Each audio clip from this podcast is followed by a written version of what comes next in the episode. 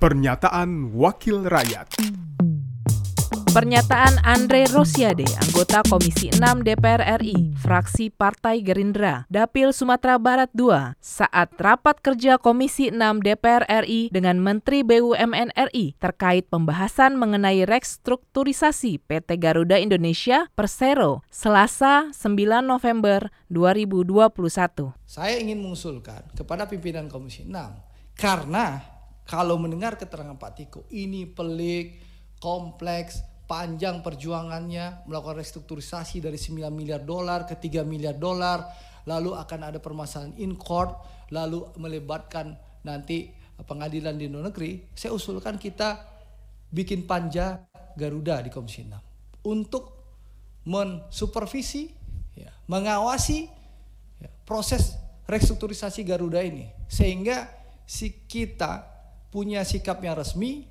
punya sikap yang jelas dan kita awasi supaya kasus Garuda ini bisa selesai secara komprehensif. Jangan selesai setengah-setengah Pak uh, pimpinan ya.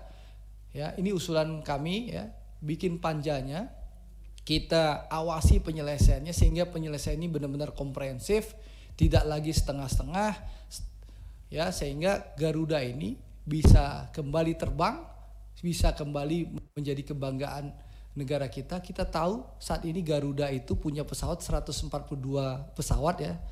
Yang terbang itu hanya 41 atau 28 kadang-kadang gitu loh. Nah, itu yang menyebabkan kerugian negara dari 100 pesawat lebih itu yang tidak terpakai 101 sampai 116 itu kan kerugian negaranya tiap tahun muncul eh tiap bulan muncul satu triliun lebih itu yang ditagih ke Pak Irfan dan Pak Irfan nggak mau bayar sampai sekarang sehingga angka yang disebutkan Pak Tiko itu tembuslah 100 mil, 100 triliun lebih.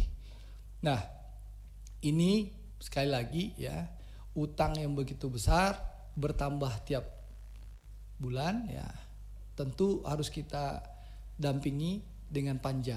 Pernyataan Andre Rosiade, anggota Komisi 6 DPR RI, fraksi Partai Gerindra, Dapil Sumatera Barat II, Produksi TV dan Radio Parlemen, Biro Pemberitaan Parlemen, Setjen DPR RI.